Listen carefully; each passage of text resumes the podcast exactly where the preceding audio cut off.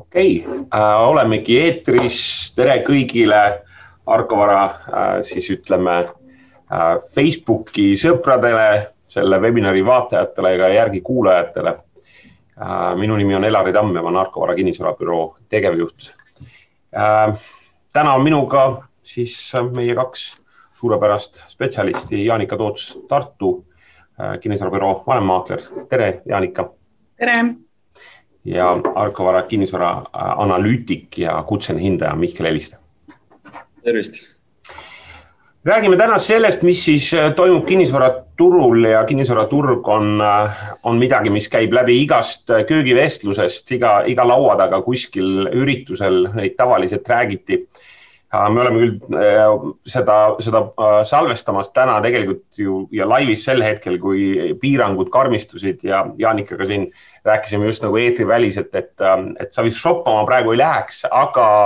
ostaks küll või see vabaduse tunne on lihtsalt sult ära võetud, oli midagi sellist? ja, ja, ja ma ei läheks, aga lihtsalt mulle ei meeldi see, et mul ei ole võimalust. just, no loodame siis, et peagi et need piirangud ütleme siis Äh, lähevad lõdvaks sellepärast, et äh, viirus on kontrolli all. aga täna meie sellest ei räägi, me räägime täna kinnisvaraturust ja Mihkel, sul on hiljuti just oled äh, kokku kirjutanud ka lühiülevaate veebruari kinnisvaraturust. mis siis veebruari kinnisvaraturg näitas, sa oled isegi öelnud sellise pealkirjaga, et lähikuud toovad korteriturul statistiliselt üsna tugeva, kuid petliku turuaktiivsuse kasvu. väga tugevad sõnad jah, selles suhtes eelmine aasta noh, on suhteliselt juhuslik tõenäoliselt, et meil täpselt samal ajal on enam-vähem samasugune olukord nagu aasta tagasi, aga praegu siis äh, nende piirangute aegselt ma eeldan, et äh, tehingute arv tõenäoliselt väheneb äh, väiksemal hulgal kui eelmine aasta, ütleme aprillis või märtsi teises pooles, kui see riiklik eriolukord algas, et selles suhtes me tõenäoliselt lähikuude vältel kuni siis ütleme suve alguseni näeme tõenäoliselt sellist äh, kasvavat äh, tehingute arvu, aga see ei tulene mitte siis sellest, et meil täna mingisugune hirmus äh, ostuaktiivsuse kasv oleks, vaid lihtsalt sellepärast, et see aastatagune võrdlusbaas on ajutiselt niivõrd madal. okei okay,, arusaadav. Jaanika, mis toimub praegu Tartu kinnisvaraturul, on, on ostu, on kogeda mitte ostubuumi või, või me teame, et portfell on vähenenud, müüki on vähem tulnud, inimesed tunnevad rohkem kinnisvara huvi, kinnisvara vastu huvi. milline on olukord Tartus ja Tartumaal? Äh, vaatamata sellele jah, et pakkumiste arv tõepoolest, nagu sa ütlesid, on äh, läbi aegade üks madalamaid, aga tehinguaktiivsus tegelikult on, on üsna hea ja rotatsioon on pigem kiire, et, et siin jaanuar oli, oli täiesti äh, siis ütleme maksimumkuu, kus tehti hästi palju tehinguid ja veebruaris, veebruaris ka peaaegu kakssada tehingut, et seda ikkagi on, on päris palju. nii et äh, turg on tegelikult äh, aktiivne. millest see tuleneb, mis on selle peamise siis turuaktiivsuse taga, Mihkel, kas, kas tõepoolest ajal, kus justkui majandusel ei peaks minema väga hästi, kui ma õigesti mäletan, siis äh, Eesti majandus äh, langes äh, mitte, mitte väga palju, aga, aga kuidagi pilt sellest aktiivsest kinnisvaraturust ja langevast majandusest ei taha omavahel kokku minna. et jah, mis konkreetselt nüüd Tartut näiteks puudutab, siis Tartus ehitusaktiivsus on niivõrd tugevalt kasvanud, et see tehingute arv on suures osas tõusnud siis ennekõike uute korterite müügi najalt ja see mhm. jätkub, jätkub ka veel äh, lähitulevikus, kuna eelmine aasta siis olenemata koroonapandeemiast äh, ehitusaktiivsus Tartus jätkas äh, jõudsalt kasvamist. samal ajal kui näiteks Harjumaal ehitusaktiivsus on siin alates kaks tuhat kaheksateist marginaalsel määral järjest allapoole tulnud. et selles suhtes sellised trendid Eesti erinevates piirkondades on natuke omavahel justkui lahku läinud viimasel ajal. aga üldplaanis nagu kui me vaatame, kes täna ostjad on, siis äh, need ei ole isikud, kes on nendest koroona piirangutest siis äh, olnud otseselt või kaudselt mõjutatud. ehk siis äh, need, kes täna töötud on või on nüüd uuesti töötuks jäämas, kuna järjekordselt siis poed on suletud, kaubanduskeskused suletud, toitlustusasutused, kohvikud, majutus endiselt ei toimi, turism on, on ikka väga madalal tasemel, et noh, selles suhtes need inimesed ei olnud kinnisvaraostjad ka enne koroonapandeemiat ja meil täna tööpuudus on siin circa kaheksa koma kaheksa protsenti. et äh, need isikud valdavalt osalevad üüriturul.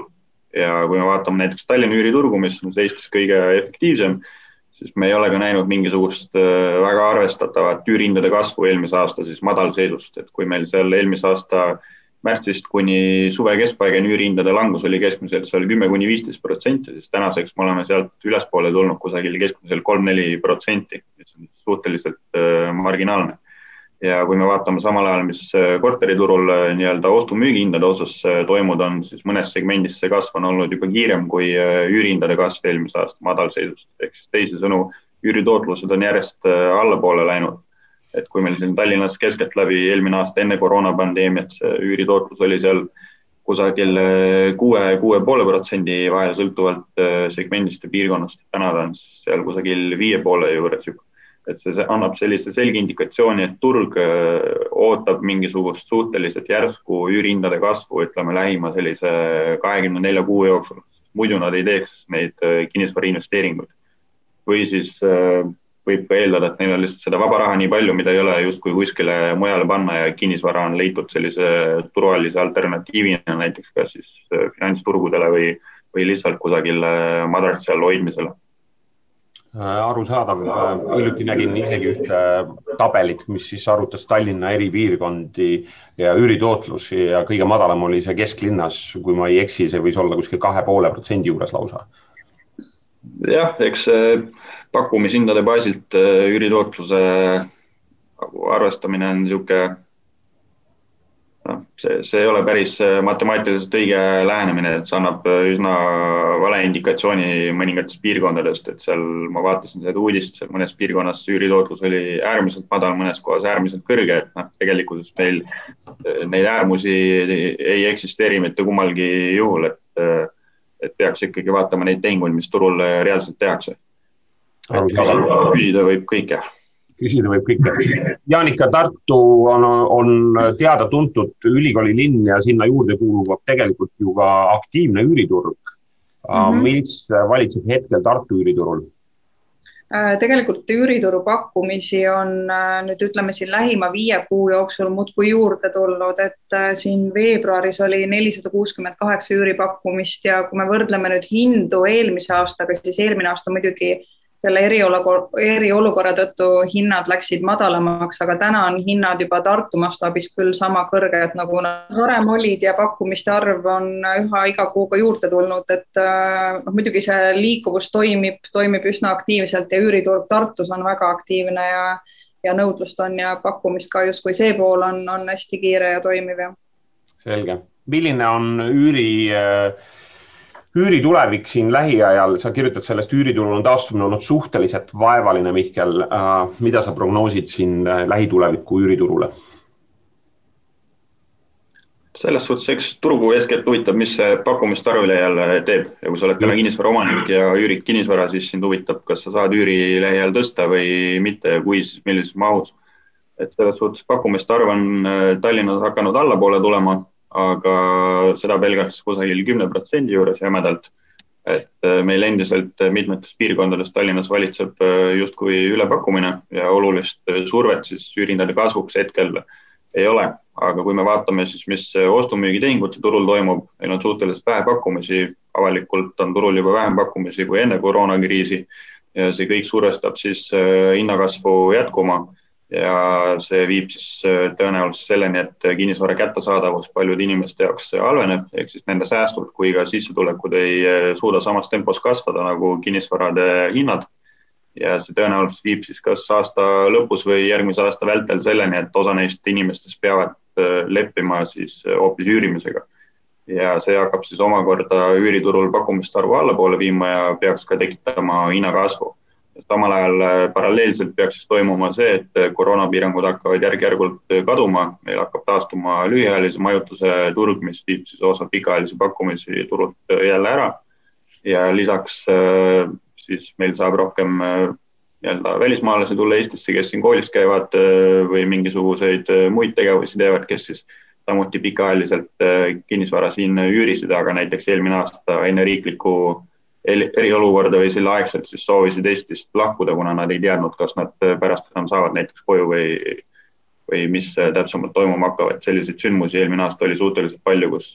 lühikese etteteavitamise ajaga välismaalased teavitasid korteriomanikke, et nad lahkuvad riigist lihtsalt sellise ebakindla olukorra tõttu. just. Jaanika, kui rääkida uusarenduste turust äh, Tartus, mis, mis, mis pilt sellest on, ma tean, et olete aktiivselt müünud ka kodu kalda projekti ja seal on küll ainult vist kolm või neli korterit järgi. milline see turuaktiivsus läbi maakleri silmade on olnud? et äh, uusarenduste müügitempo on tegelikult sama, mis aasta tagasi ja ja on, on jällegi hästi aktiivne ähm, ega ma siin midagi, mingit erisust ma täna välja ei oska tuua, muidugi jah, kui me võrdleme nüüd seda, et, et praegu pigem ongi see etapp Tartus käes, kus on päris paljud uusarendused valmis saanud ja müüaksegi seda, siis kui me vaatame nüüd järelturukortereid ja uusarendusi, siis äh, suures mahus toimuvad täna ikkagi uusarenduste äh, tehingud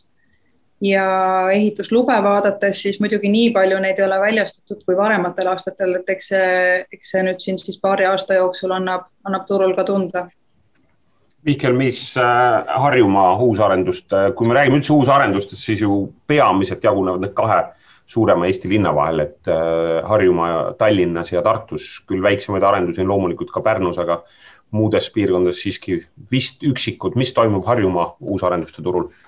Meil täna uute korterite laojääk on circa kaheksa kuud, et kui eelmine aasta ta läks seal vahepeal üle kaheteistkuulise laojäägi ja hakkas vaikselt siis mõnes piirkonnas viitama sellele, et võib äh, probleem hakata tulevikus esinema, kui turuaktiivsus taas kiirelt kasvama ei hakka. et siis õnneks seda ei äh, tulnud, et äh, tehingute arv on väga kiirelt hakanud tõusma ja kõik need pessimistlikud stsenaariumid justkui on turult kadunud ja täna oleme siis olukorras, kus äh, jätkuvalt äh, meil on üsna tugev surve pigem hindade kasvuks. seda eeskätt äh, juba turul oleva nõudluse tõttu, kuigi teisalt siis seetõttu, et meil globaalselt toorainete hinnad on jälle kasvama hakanud ja see kõik viitab siis sellele, et ehitushind tõenäoliselt jätkab kasvu, kuhu siis peatselt lisandub ka tööjõukulude taaskordne kasv. okei okay ma vaatan vahepeal, kas meil on mõned küsimused tulnud. Äh, küsitakse, kuidas uus üüriseadus toetab, takistab üürihindade tõstmist. Mihkel, äh, on sul mingi tunnetus selle koha pealt? mis see, kas see üüri, uus üüriseadus kuidagi praegu üldse turgu selliselt mõjutas, et hinnad peaks hakkama tõusma selle pealt? peast ei mäleta täpselt, mis need sätted seal seaduses oli, aga mingisuguseid tähtaegu või kordi või kui tihti seda üüri võib tõsta, midagi minu arust muudeti, aga aga üldplaanis nagu ma ei usu, et see midagi turul toob, et seal ei olnud selliseid äh, mingisuguseid laiapõhjalisi muutusi, mis nüüd hirmsasti hinnadünaamikat võiksid justkui mõjutada või seda likviidsust äh, takistada.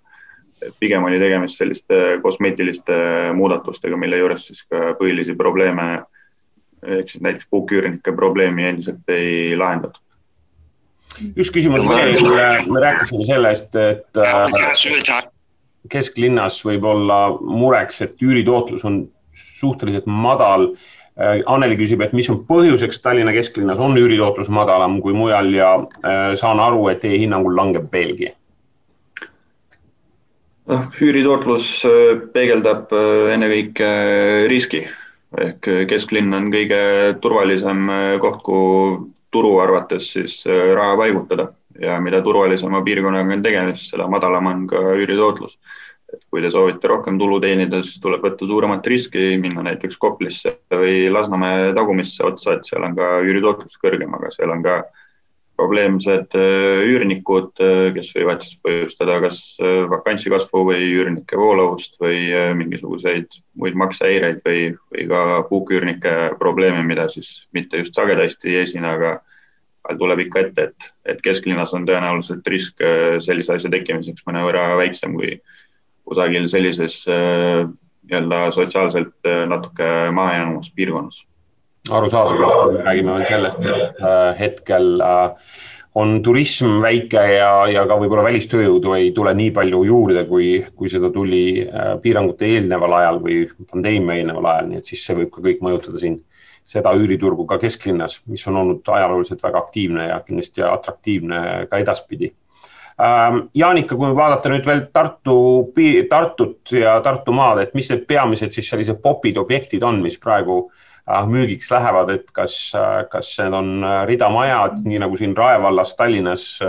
minu meelest kerkivad nad täna väga-väga aktiivselt ja tundub, et sinna piirkonda Tallinn nagu igal juhul nagu kasvab üsna jõudsalt. milline on Tartu trendid hetkel või millised? no sellist ühtset konkreetset trendi on täna väga keeruline välja tuua, et, et äh, jah, muidugi läbi aastate see valglinnastumine on ikkagi üsna aktiivne olnud ja mida linnast väljapoole, seda, seda rohkem neid eramuid ja ja ridaelamuid äh, ikkagi soetatakse, mis on viimasel ajal võib-olla aktiivsemaks läinud, ütleme siin Lõuna-Eestis on just ütleme maakodude ostmine et tegelikult see juba sai hoogustuse enne seda koroonavalgust, aga, aga täna, täna on nüüd see natukene suurema hoo sisse saanud ja muidugi, eks see kevade tuleb ka, kiirendab seda protsessi nii-öelda, aga, aga maakodude päringud ja, ja ostmine on, on üsna, üsna jah, selles mõttes tõusvas trendis. Mihkel, see on midagi, mida sina oledki üsna, üsna nagu aktiivselt rääkinud sellest samast valgelinnastumisest ja selle tagamaadest. sa ütled oma ülevaates samamoodi, et et see on pigem jätkumas nii Tallinnas kui Tartu lähiümbruses. ja et kui me vaatame ehitusstatistikat, mis iseloomustab ehitusaktiivsust nii ehituslubade kui ka ehitusega alustamise osas, siis äh, selgelt nii Tallinna lähiümbruses kui ka Tartu lähiümbruses see trend lähitulevikus äh, jätkub. ja noh, selles suhtes see kordub äh, igasuguse kinnisvara kasvutsükli vältel, et kui me läheme ka aastatesse kaks tuhat neli kuni kaks tuhat kaheksa, siis me nägime täpselt samasugust äh, trendi. et need äh, asjad juhtuvad justkui nii-öelda déjà vu'na iga kord, et midagi uut siin selles suhtes ei ole, et see kõik on olnud suhteliselt ettenähtav. ja sel korral me siis lihtsalt hakkame nägema mingisuguseid asukoha eelistusi, eelistuste muutusi et kui kümme-viisteist aastat tagasi eelistati näiteks Viimsi valda hirmsasti, siis täna pigem äh, Rae valda. ja ka see Rae vald on juba nii täis ehitatud, et äh, nüüd hakatakse tõenäoliselt rohkem eelistama näiteks Harku valda, kus äh, ka siis korterelamuid on üsna aktiivses tempos hakanud juba lisanduma et äh, detailplaneerimine kinnisvaraturul on niisugune suhteliselt äh, aeganõudev ja aeglane protsess, et äh, me näeme juba aastaid ette, kuhu tõenäoliselt asustus hakkab peatselt siirduma. Ähm, võib-olla kohe alguses oleks olnud hea üles, üles, üles öelda või välja öelda, et sinu analüüsist tuleb ka välja, et, ähm, et tänavu veebruaris tehti Eesti korteriturul tuhat kaheksasada seitsekümmend üks ostu-müügitehingut, mis on tegelikult siis kolm koma seitse protsenti rohkem kui jaanuaris ja viis koma üks protsenti vähem kui kaks tuhat kakskümmend aasta eelmise aasta veebruaris, kui äh, piirangute ja pandeemia kohta tuli veel uudiseid kaugelt ja need ei olnud veel meie maal äh, mitte, mitte kuidagi veel rakendunud. Mihkel, kui sa peaksid täna veel mõtlema, äh, ütleme korraks investori vaatest, et kuhu tasub täna investeerida, kas täna tasub äh, üüri, üürikorterisse investeerida, osta omale üks pind välja üürida või tegelikult tuleks tegeleda äh, üldse äripindade äh, rahavooäriga või, või, või panna raha Eftenisse või? ja eks täna selles suhtes nagu see õige ostuhetk teatud turusegmentides on juba möödas, et kui eelmise aasta keskpaigas oleks nõukogudeaegseid paneelelamute kortereid ostnud, kas siis ühe või kahetoalisi, siis neid selgelt sai odavamalt kui eelmise aasta aasta alguses või siis märtsis. aga tänaseks äh, ka seal siis äh, hinnakasv on olnud juba selline, et me oleme hindade osas tagasi jõudnud peaaegu samale tasemele, kus me aasta tagasi olime. Tartus me oleme juba selle taseme ületanud. et Tallinnas jällegi muutused on olnud natuke vaevalisemad aga turul ütleme, on endiselt piirkondi, kus äh, kinnisvara saab soodsamalt kui varasemalt ja need müüjad on siis motiveeritud äh, pakkumishindadest tõenäoliselt ka alla tulema, et ma arvan, üks selline piirkond täna jätkuvalt on vanalinn ja seda nii korterite kui ka äripindade osas, kuna seal siis äh, turiste pole ja, ja see kõik mõjutab äh, nende igapäevast tegevust. ja noh, äripindade osas ütleme, ma arvan, siin üle terve Tallinna on kaubandus- ja teeninduspindade osas siis kohti, kus üürnikud on nende koroonapiirangute tõttu lahkunud ja seal siis pakkumishindades tullakse kuulutustes järk-järgult äh, allapoole. ma arvan, et turul, kui otsida, siis leiab häid pakkumisi, et see, mis täna turul toimub, see tõenäoliselt on ajutine ja siin paari aasta lõikes me jõuame tõenäoliselt analoogse turusituatsioonini tagasi ka äripindade osas, kus me siis enne koroonapandeemiat olime ikka äh, investorid, kes täna Tartus mõtlevad äh, siis ütleme investeerida, mis see, mis see peamine piirkond on, kuhu täna üüri, üüri jaoks siis ostetakse, on see siis magalasse või magalapiirkondadesse, Annelinna või, või Supilinna või on see siis ikka pigem sinna kesklinna täiesti? Äh, ja see on ikkagi jäänud läbi aastate et kesklinn, supilinn, Tähtveres küll väga palju ei liigu, aga, aga siiski on seal, seal ka, et, et sellised kindlamad, kallimad piirkonnad, kus on üürimine lihtsam nii ülikooli mõistes kui ka siis üleüldse infra ja kõik on lähemal, et siis ikkagi need piirkonnad on, tuumpiirkonnad on samaks jäänud mis maksab, mis maksab praegu üks üürikorter, äh, ma ei tea, kesklinnas Tartus, äh, ütleme siis seesama Riia, Riia maantee seal äh, alguses, korda tehtud, ilus, inimene tahab nautida kvaliteeti, mis see üürihind siis on? mitmetoaline no näiteks kahetoaline, võtame kahetoalise korteri. kahetoaline, siis on hinnad on korra, korralikumad on ütleme viissada viiskümmend ja sealt edasi, ehk siis kallimad on juba kuskil seitsmesaja euro juures, et äh, suhteliselt Tallinnaga samad hinnad on juba, nii et vaatasin just äh, üks päev vanalinna üürihindu ja ma leidsin, et päris, päris palju oli selliseid pakkumisi, kahetoalised, kolmetoalised, ütleme, suhteliselt viisakad olid tükihinnaga sinna viissada, viiesaja euro juurde, nii et äh, et sama hinnas, samas hinnaklassis leiab ka kuskil äärelinnas täna pakkumisi sama, sama, samas vääringus, et et see ei olegi see ainus argument, et elan vanalinnas, järelikult on kallis. Mihkel, see on täna muutunud, eks ole, et sa saad täna elada vanalinnas sama rahaga, millega võib-olla Mustamäe kusagil uusarenduses. jah, täpselt nii, et selles suhtes, eks vanalinn äh, aegamööda on oma nii-öelda mingisugused eelised äh, ajas kaotanud, et täna meil kõik äh, peavad hirmsasti autodega Tallinnas sõitma, vanalinnas kusagile parkida muidugi ei ole ja kes ütleme, mingisugust büroopinda kunagi vanalinnas pidasid, siis nad täna sa ei saa sinna ei parkida, ei kliente kutsuda, kuna nad omakorda ei saa seal kusagil parkida, et selline ütleme, kaubandus- ja teeninduspindadest väljaspool olev äritegevus ehk siis büroopindadel toimuv valdavalt on sealt hakanud ikkagi lahkuma ja neid pindu on siis sageli ümber tehtud nendeks samadeks külaliskorteriteks, mis täna muidugi ei toimi selliselt nagu enne koroonapandeemiat ja siis need on omakorda pikaajalisele üüriturule tulnud.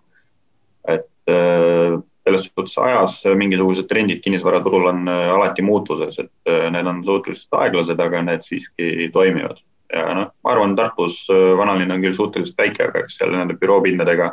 on samasugused muutused aset leidnud, et pigem nad üritavad äh, kolida kusagile kaasaegsesse büroohoonesse kesklinnale natuke lähemale, kus parkimisvõimalused ja ligipääs on oluliselt parem kui seal vanalinnas. me oleme rääkinud tõesti peamiselt Tartust, Tallinnast. meil on tulnud küsimus ka suvepealinna kohta. Kas Pärnus ja Pärnu maakonnas turul on ka juba märgata mingit elavnemist? kas nõudlus ja pakkumine on kooskõlas? Mihkel, mis need viimased numbrid näitavad, mis see statistika on? ega seal Pärnus midagi nagu eriskummalist viimastel kuudel toimunud ei ole, mis hirmsasti meelde oleks jäänud, et selles suhtes ma arvan, et seal on olukord suhteliselt analoogne nagu igal pool mujal Eestis, et eks seal on natuke negatiivsem olukord selle laialdase turismisektori hääbumise tõttu, et äh, kuna eelolev suvi tõenäoliselt tuleb suhteliselt analoogne nagu eelmine, ehk siis meil mingisugused piirangud tõenäoliselt endiselt äh, kestavad. et Äh, ka välisturiste ei tule tõenäoliselt endiselt sellises mahus nagu enne koroonapandeemiat, et äh, ma arvan, et see avaldab ennekõike mõju üüriturule. ja tõenäoliselt ei tehta ka uusi üüriinvesteeringuid sellises mahus nagu enne koroonapandeemiat ja võib-olla lükatakse neid pigem selle aasta teise poolde või järgmise aasta algusesse. aga üldplaanis isikud, kes endale kodu ostavad, ma arvan, et seal ei ole mitte mingisuguseid olulisi muutusi seetõttu, et tegemist on Pärnuga Ähm, ja Pärnu on ka olnud tegelikult äh, arenduste osas päris aktiivne varasemal ajal, et uusarendusi on, on ehitatud sinna nii ütleme, Mai rajooni poole kui kesklinna ja kahtlemata ähm, ma arvan, et selline arendus, äh, arendus, äh, ütleme, areng on alles ees nendes linnades täpselt samamoodi, nii nagu ootavad seda ka muud väiksemad linnad, noh, Pärnu ei ole nüüd nii võrreldav küll Haapsalu ja, ja ka Viljandiga, aga ka nendes linnades tegelikult planeeritakse uusi uusi projekte? jah, Pärnus äh, detailplaneeritakse üsna suuri arendusalasid, et äh, kui need kõik äh, realiseeruma peaksid siin lähima kümne aasta vältel, siis seda uute korterite pakkumist tuleb turule justkui üsna arvestatavas mahus. aga noh, see on samaaegselt omane kogu Eestile põhimõtteliselt, kui me läheme ka nendesse atraktiivseimatesse väikelinnadesse, kasvõi sellesse samasse Viljandisse või Haapsalusse või ka Rakveresse,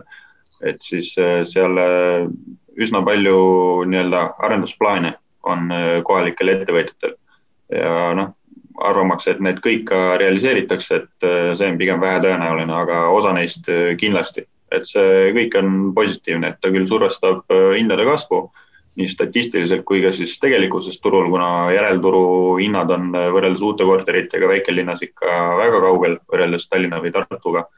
ja see paneb siis turuosalisi tõenäoliselt pakkumishindu tõstma, kuna pakkumisi on niigi vähe ja ütleme üldplaanis, kuna elamufond äh, meil igal pool vananeb, äh, valdavalt on tegemist nõukogudeaegsete paneelelamute korteritega, et siis selline täiesti uue elamispinna lisandumine igasse Eesti väikelinna, ma arvan, on äh, äärmiselt positiivne absoluutselt, ma arvan seda oodata, et, et saaks oma paneelikast võib-olla uude paneelikasse või, või, või oma ridamajja või väikse maa, maa, maalapiga, et sellised, selline see protsess on. Libana veel kirjutab, et jäi arusaamatus, kuhu siis ikkagi kaks tuhat kakskümmend oleks mõistlik Harjumaal korterit investeerimise eesmärgil osta mulle tundub, et Mihkel vastas ühes, ühe vastusega, mis oli päris hea, et see sõltub natuke sellest riskiastmest, et kui, kui suurt riski sa tahad võtta ma saan aru, et üks võimalus on võtta sinnasamma Lasnamäe taha, seal saada üüritootlust natuke rohkem kui kesklinnas, aga seal on siis muud, muud küsimused juba selle investeeringuga suuremad. likviidsus võib olla üks küsimus ja lisaks siis sotsiaalne pool, et, et kui head üürnikku me siis sinna oma pinnale saame, nii et see on, sõltub siis sinu riskiastmest aga võtame kokku vaikselt, Jaanika, mis on praegu niisugune kõige kuumem pakkumine sinu portfellis, mida sa kõige rohkem näitamas praegu käid, mis suure tõenäosusega kahe-kolme päeva jooksul lausa ära läheb, mida siis äh, ostjad kõige rohkem tahavad äh, näha? No mul on siin keeruline nüüd valikut teha, neid äh, põlevaid objekte on päris palju, aga, aga viimasel ajal on meie Tartu kodukalda arendus hästi aktiivseks läinud ja meil on veel viimased kolme-neljatoalised korterid suurepärases asukohas, et ma arvan, et see on, see on kindel teema, mis läheb. Need lähevad ära, selge. Mihkel, viimased sõnad äh, closing uks, äh, mis siis, mis siis kokkuvõttes öelda, veebruar oli üks hea kuu kinnisvaraturul, järjekordne hea kuu ja eks nüüd märtsis tuleb tõenäoliselt natuke kehvem, et kui me vaatame kasvõi seda nädalat, siis alates esmaspäevast on siin äh, hindamisteenuse päringuid äh, oluliselt vähem tulnud kui kasvõi nädal või kuu aega tagasi, et äh, need uued piirangud äh, nii-öelda sotsiaalsel tasemel on juba mõju avaldamas, inimesed ei ole enam nii aktiivsed kui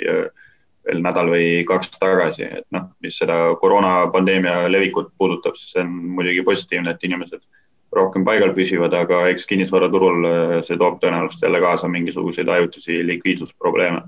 Aga arvestades palju pakkumist on, siis ma ei näe, et see kuidagi ostu-müügitehingut hinda nüüd ilmselt mõjutama hakkaks, eeskätt juba seetõttu, et pakkumine on suhteliselt piiratud.